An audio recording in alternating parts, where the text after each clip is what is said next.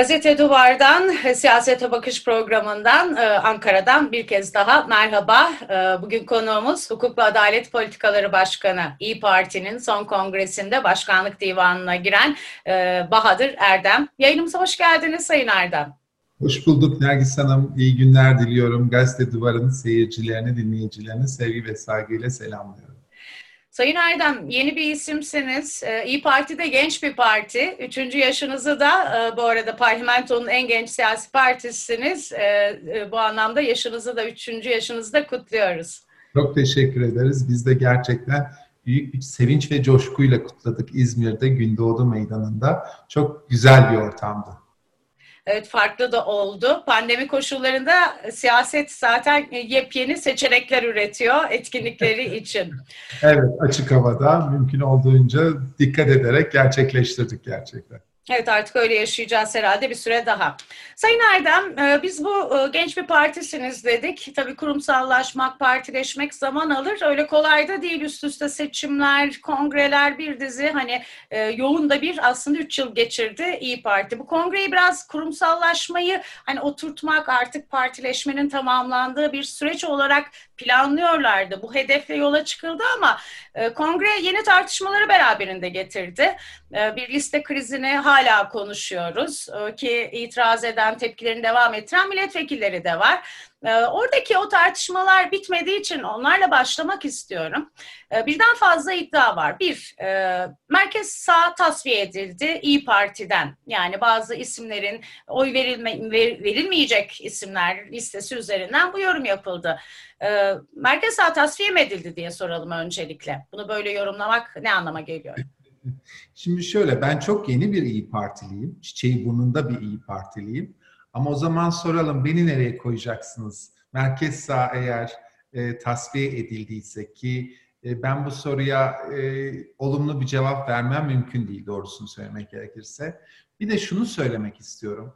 Yani gerçekten seçmen tarafından bakıldığında ve partinin de hakikaten içine girdiğinizde şunu görüyorsunuz. İyi Parti tam bir Türkiye partisi. Yani İyi Parti'nin içinde merkez sağ işte sol efendim şu hareket bu hareket o onu tasfiye etti bu bunu tasfiye etti. İyi Parti'nin içinde delegelere baktığınızda başkanlık divanına baktığınızda işte milletvekillerine baktığınızda en küçüğünden en büyüğüne hakikaten e, Türkiye Cumhuriyeti vatandaşlarının bütün e, niteliğini, farklılığını, fikirsel farklılığını e, görmek mümkün. Dolayısıyla bu iddianın doğru olduğunu e, hiç düşünmüyorum yani. Çok açık. Bu tartışma Sayın Erdem ne anlama geliyor? Bir itiraz var. Belki de sizin söylediğiniz bu kurumsallaşmanın getirdiği sancılardır. Öyle ifade edebiliriz. İyi Parti çok güzel söylediniz, çok genç bir parti ama hakikaten bugün eğer e, Türkiye Cumhuriyeti'nde e, önümüzdeki seçimlerde mevcut olan iktidarın e, seçimle değiştirilmesi e, ihtimali, e, efendim ümidi ve amacı seçmenlerde, muhalefet partilerinde, Türkiye'nin efendim seçmenlerinde varsa bu amacı ve bu ümidi İyi Parti getirdi Türk siyasetine. Yani o kadar e, oturmuş bir düzen vardı ki ve o kadar da adeta öğretilmiş bir çaresizlik gerek siyasi partilerde gerek seçmenin üzerine e, yerleşmişti ki ama İyi Parti hakikaten büyük bir cesaretle kuruldu. Seçmen olarak ve de İyi Parti'nin bir e, başkan yardımcısı olarak bunu gururla söylüyorum. E, Sayın Genel Başkan ve onunla birlikte hareket eden bu partinin kurucuları çok zor bir dönemde yani bir ülkücü harekette MHP'ye bayrak açabilmek çok zor bir şey. Bu bu şeyin içinde, bu yapının içinde. Bunu bütün Türkiye biliyor ve sonra bir parti kurmak hele de e, 2016'nın şeylerinde e, şartlarında 2017'nin şartlarında pardon yani şimdiki gibi de değil Türkiye. O hal şartlarında. Çok daha normal çok daha normalleşiyor. Yani o dönemle kıyaslarsanız hiç kolay değil ama İyi Parti bunu başaran bir parti e, seçimlere giren efendim e, Millet İttifakı'nın çok kıymetli bir üyesi olan, kilitleri açan, Türkiye'ye ümit veren, şimdi de kamuoyu araştırmalarının hepsinin sonuçlarını görüyoruz. Hakikaten e, milletin teveccüh gösterdiği, gittikçe artan bir şekilde teveccüh gösterdiği bir parti. Dolayısıyla şimdi de o e, işte üçüncü yaşından sonra kurumsallaşmak istiyor. Genel başkanımızın, sayın genel başkanımızın bütün amacı bu partiyi tam anlamıyla bir kurumsal e, parti olarak daha da büyütmek. Belki de onun getirdiği bir takım sancılardır diye düşünüyorum ben. Sadece o da değil tabii onu da gölgede bırakan bir başka tartışma daha açıldı. O da henüz sonuçlanmadı ki yargıya taşındı. E, milletvekiliniz e, Sayın Ümit Özdağ'ın e, İstanbul İl Başkanı'na dönük FETÖ iması. Şimdi bir suç duyurusu var, bir soruşturma açıldı Sayın Buğra Kavuncu'yla ilgili. Bu bunu nasıl yorumluyorsunuz? Çünkü kuruluşundan bu yana hani İyi Parti'ye dönük Sayın Akşener'le ilgili yürütülen bir soruşturma var ki Akşener'in kaç kez ifade vermek istediğini biliyoruz. Bu ne anlama geliyor? Bununla nasıl mücadele edeceksiniz? Buna ne dersiniz?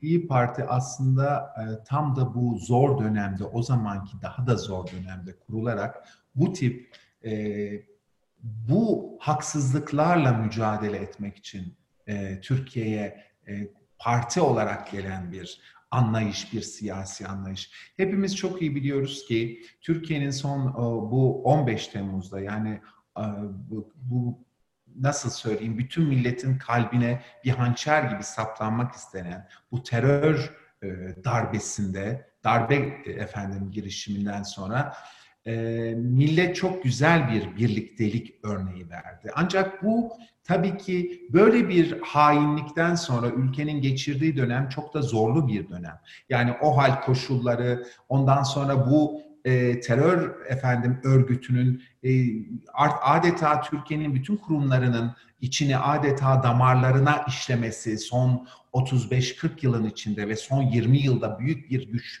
güçle artarak bunu temizlemek hiç kolay değil.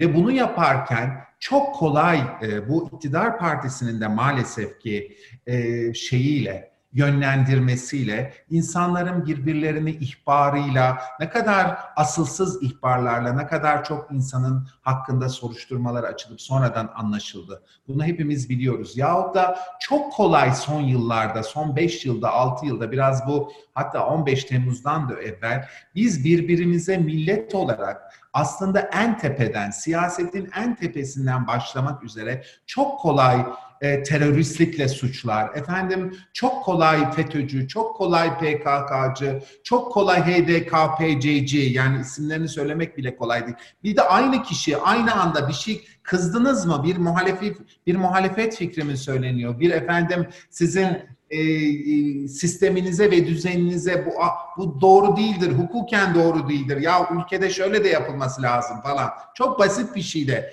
ortaya çıksanız bir fikir söyleseniz bile muhalif olarak o kişi anında aynı anda hem FETÖ'cü hem PKK'cı hem DH, DHKPC'ci olarak söylenebiliyor. Ya da bana söyleyin lütfen Sayın Kılıçdaroğlu'ndan Sayın Genel Başkanımıza işte efendim yeni kurulan partilerimizin sayın e, başkanlarına eski efendim AK Parti'nin e, ekonomi bakanından tutun Dışişleri Bakanı ve Başbakanına varana kadar bu ülkede teröristlikle suçlanmayan, FETÖ'cülükle suçlanmayan kim kaldı? Yani Nergis Hanım bu çok kolay söyleniyor ama bu çok yanlış bir şey. Sebebini de söyleyeyim. Türkiye çok tehlikeli bir şey geçirdi. Çok tehlikeli bir şey atlattı 21. yüzyılda. Türkiye ne güçlü bir ülkeymiş. Bu millet ne güçlü bir milletmiş ki bunları atlatabiliyor. Buna rağmen bu atlatmaya çalıştığımız, normale dönmeye çalıştığımız, özellikle bu ama hukuk düzenimizin normalleşmesiyle bir ülke ancak normale döner. Yani adaletin, demokrasinin bir ülkeye gerçekten tartışmasız bir şekilde yerleşmesiyle normale döner ki o safhada maalesef değiliz. Zaten bizim de amacımız yeniden bir adil bir hukuk düzenini, ekonominin yanında bu ülkeye yeniden tesis etmek. Dolayısıyla bu dönemde FETÖ ile mücadele ederken bu tip asılsız ihbarlar, bu tip e, hani incir çekirdeğini doldurmayacak şekilde insanların birbirini suçlaması, siyasi parti başkanlarına atılan bu suçlar, demin ne dediniz? Sayın Meral Akşener kaç kere ifade ver. Yani Allah aşkına biraz insaf. Yani Sayın Meral Akşener'den e, böyle bir şey olabilir mi? Bunu söylemek bile zul. Yahut da bunu iddia etmek bile zul. Şimdi e, bu biraz insiyaki olarak yerleşti adeta insanlara. Bunun son bulması lazım. Hukukla konuşmak, delille konuşmak, e, gerçekten geçerli olan e, delillerle konuşmak lazım. O zaman gerçek mücadele verilir. FETÖ'yle, PKK'yla, terörle, suçla, adi suç işleyenlerle. Ama sulandırırsanız bu belki terör örgütlerinin en işine gelen şeydir. Çünkü halkın nezdinde sulandırılmış neyin nereye konulduğu ve kimin suçlu, kimin suçsuz olduğunun ayrılamadığı bu sisli havada insanların e, muhakeme yeteneği biraz e, güç kaybeder ve de adalet daha da şeye uğrar, sekteye uğrar. Dolayısıyla e, sayın bir milletvekilimiz çok tecrübeli tabii bir. Evet, içeriden eleştiri. İşte en acısı bu. Bu içeriden eleştirinin İstanbul İl Başkanımıza karşı yapılması hakikaten İyi Partili e, bütün e, en küçük ferdinden İyi Parti'nin en tecrübeli, en üst düzeydeki e, siyasetçilerine kadar üzdü ve bir infial yarattı. Şimdi bakın görüyorsunuz aslında İyi Parti burada çok da güzel, belki de kurumsallaşmasını da ortaya koyan, birlik ve beraberliğini ispatlayan çok güzel de bir şey verdi, sınav verdi. Daha o gece 39 ilçe başkanı hiçbir kimse çağırmadan etmeden koşa koşa Sayın Kavuncu'nun il başkanlarının yanına gitti. E, dün biliyorsunuz e, bütün e, 81 ilin il. il başkanı e, dilekçeler verdiler. Yani bu aslında güzel bir sınav. Eğer bir e, partinin kendisine ve de partideki bir üyeye karşı böyle bir suçlama olduğunda bütün parti böyle bir insiyaki e, şeye geliyorsa, noktaya geliyorsa bu o partinin aslında ne kadar e, arkasında da durduğunu e, efendim suçlanan kişinin yahut da bu suçu ne kadar bu partiye ya da bir ferdine yakışmadığını da e, bir dilden, ortak dilden gösteren bir şey. Ve bu samim, bu çok samimi bir itiraz. Yani hiç kimsenin efendim şunu yapın, bunu yapın falan değil. O anda, o geceden başlayan çok samimi bir itiraz. Yani buna emin Şimdi, ol. Sayın Erdem o dilekçelerde ihraç edin deniliyor. Partisiz parti yöneticisiniz. Nasıl bir süreç işleyecek? Tavrınız ne olacak? Şimdi şöyle söyleyeyim. İyi Parti'nin belki diğer partilerden ayrılan bir yanı var. O da şu. Biz hakikaten e, benim Sayın Genel Başkanımızda gördüğüm ve diğer çalışma arkadaşlarımda gördüğüm bir şey var.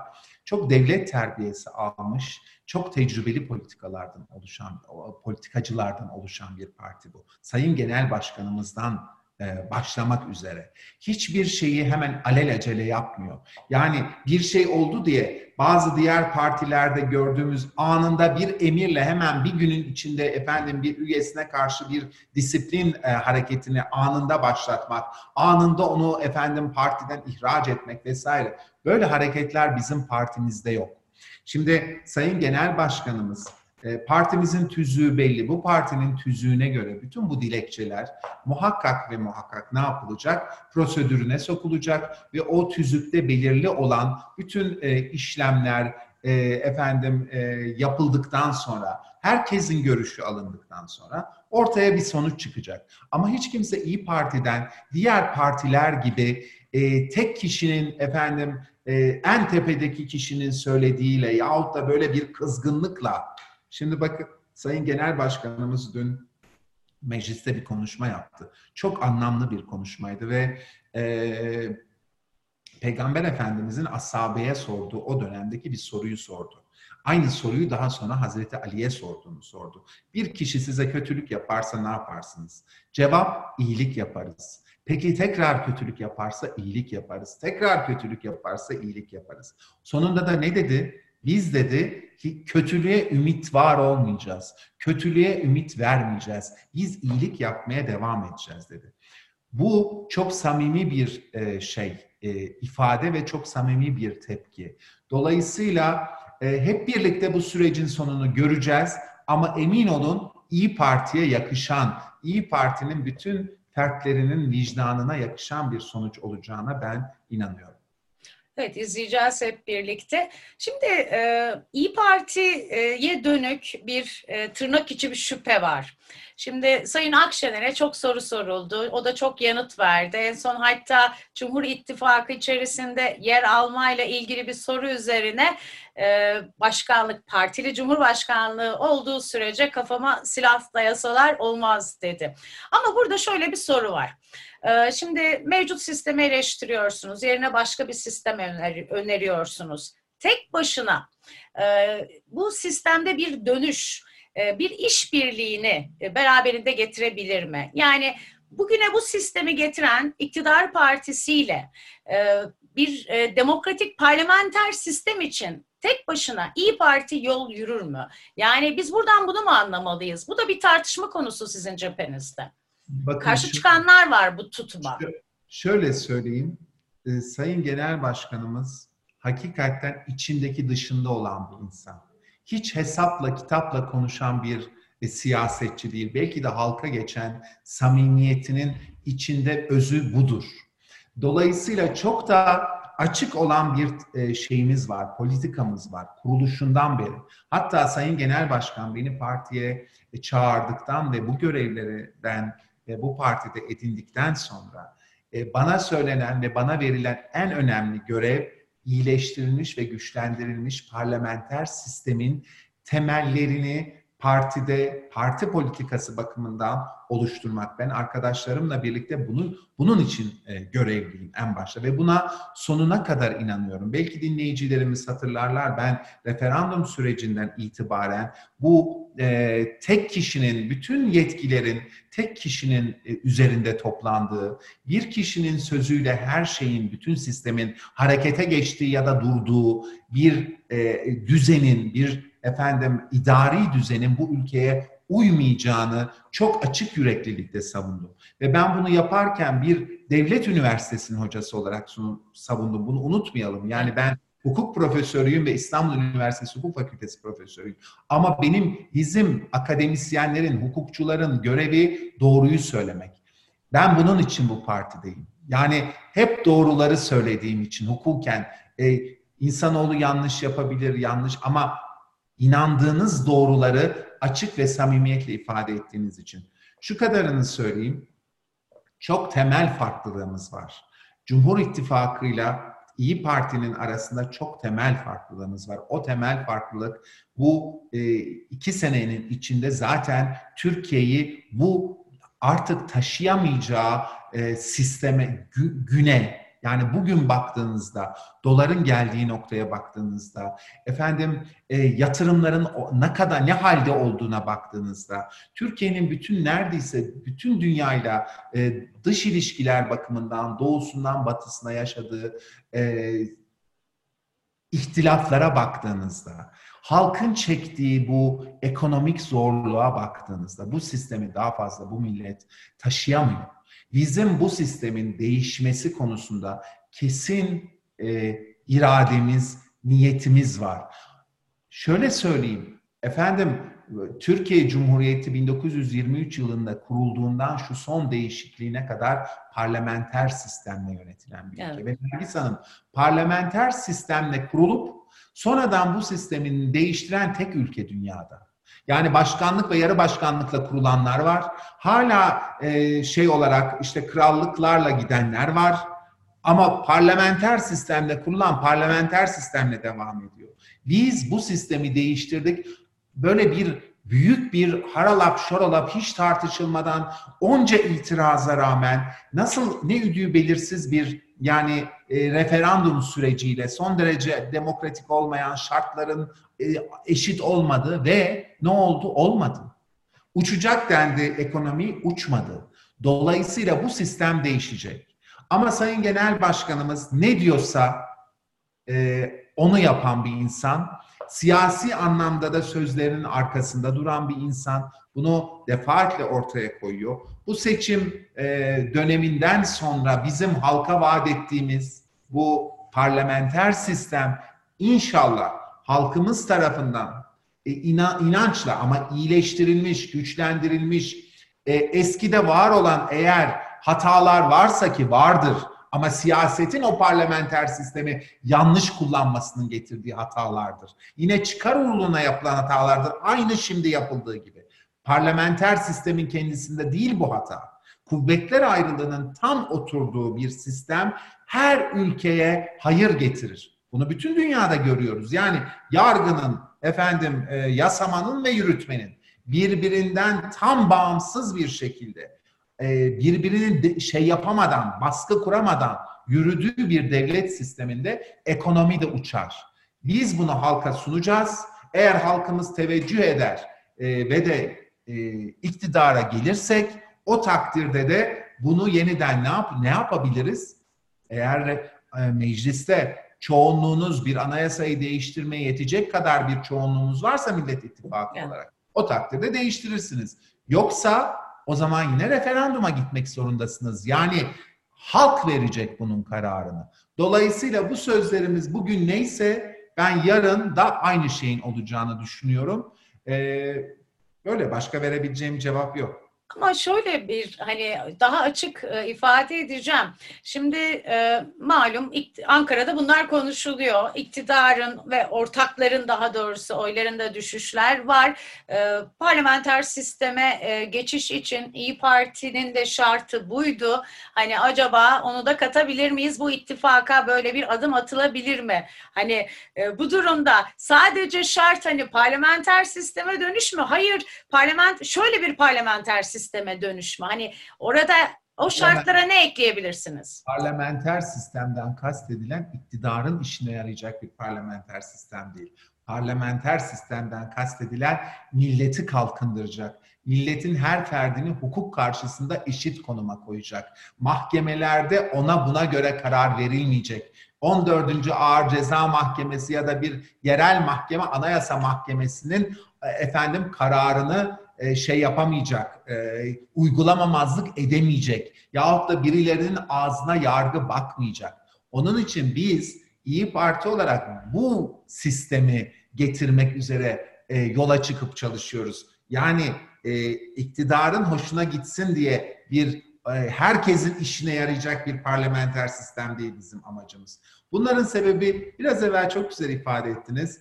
E, iktidarın e, o, oylarının düşmesi. Yani belki de iktidarın e, ortağı MHP ile oylarının bir araya geldiği takdirde e, belki de değil de yani amaç o e, yüzde 50 artı biri geçemeyeceğini bilmesinden dolayı yanımıza kime alabiliriz? Yanımıza İyi Parti'yi çekebilsek keşke diye. Bu onların talebi, bu onların efendim e, yeniden iktidarlarını sürdürebilmelerinin e, şartı.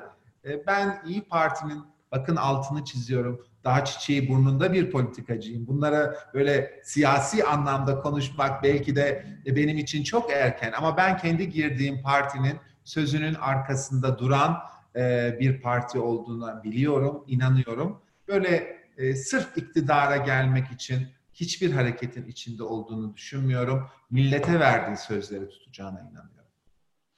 Peki e, bir çalışma içinde olduğunuzu söylüyorsunuz. Bu arada herkes parlamenter sistem diyor ama e, in midir cin midir? Çünkü kimse geriye dönüşten bahsetmiyor. Yeni bir şeyden bahsediyorlar. Yani siz e, bu anlamda nasıl bir sistem ortaya koyacaksınız? Bunun çalışmalarını nasıl yürüteceksiniz? Hani bütün partilerde böyle bir çalışma da başladı bildiğim kadarıyla. Şimdi bu ne in ne cin. Herkesin çok iyi bildiği şey. Hukukçuların çok iyi bildiği şey. Çok basit. Yani bu çok basit olan şeyi anayasanın hükümlerine çok açık şekilde koymak. Bakın kuvvetler ayrılığı olsaydı eğer gerçek anlamda ben bunu referandum sürecinde de söylemiştim. Yani kuvvetler ayrılığının tam anlamıyla yerleştiği başkanlık sistemleri de var değil mi? Tabii. Tıkır tıkır işliyor. Yahu kuvvetler ayrılığının tam anlamıyla olduğu İngiltere var, Hollanda var, Danimarka var. Yani şey var oralarda, e, krallık var, kr- kraliyet var, temsili. Ama kuvvetler ayrılığı tamamıyla var. Bizim amacımız bu böyle e, tabii sade vatandaşımızın, hukuk bilmeyen vatandaşımıza bunları izah etmek belki çok kolay değil. Ama özetle şunu söyleyebilirim. Biz yapacağımız şeyi eskinin şikayet ettiğimiz eğer aksayan, anayasada o açık kapıları bırakarak yine de bu üç tane e, şeyin, gücün birbirini etkileyebildiği o açık kapıları da mümkün olduğu kadar bir anayasa hazırlanma sisteminde, bir mevzuat hazırlama yönteminde kapatarak gerçekten bu ülkenin geleceği ve gençleri için düzgün bir e, yönetim sistemi, idari sistemi e, ortaya koymaya çalışacağız. Bu ne bir kişinin efendim hazırlığıyla olur, ne on kişinin hazırlığıyla olur. İyi Parti son derece demokratik ve bütün fikirlere e, saygı duyan bir parti.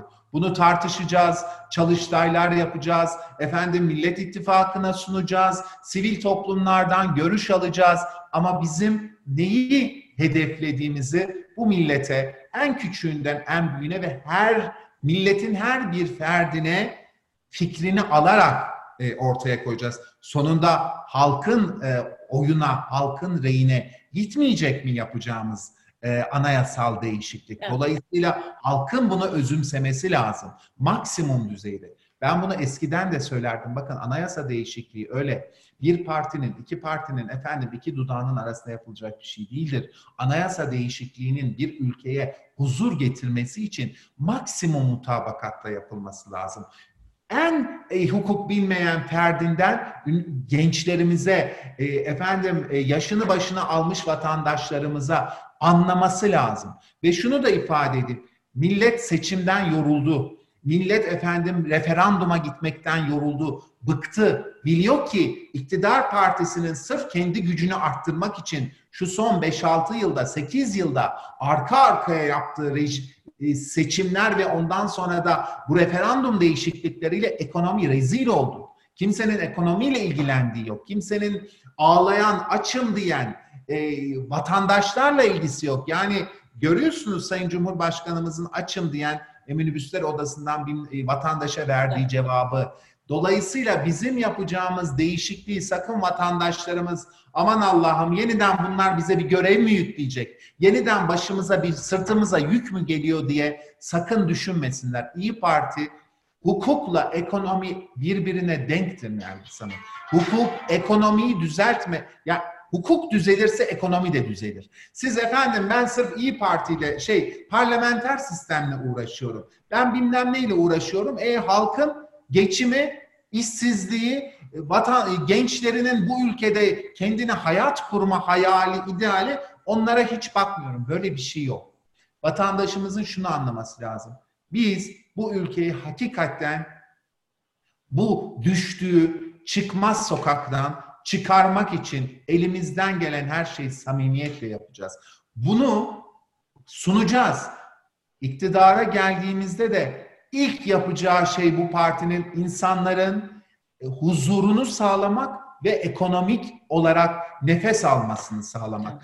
Diğer bütün hukuki değişiklikler kendi sürecinde, kendi anayasal sürecinde tıkır tıkır işleyecek. Yani bu memleketimize, milletimize ekstradan sırtına bir yük olarak onlara e, sunmak istediğimiz bir şey değil. Bunun da altını çizmek istiyorum. Çünkü sade vatandaş önce hakikaten evine ekmek götürmek istiyor. Sade vatandaş çoluğuyla çocuğuyla iki lokma yemeği huzur içinde yemek istiyor. Yukarıdaki komşusu ona PKK'cı, FETÖ'cü diye efendim e, çamur atmasın istiyor.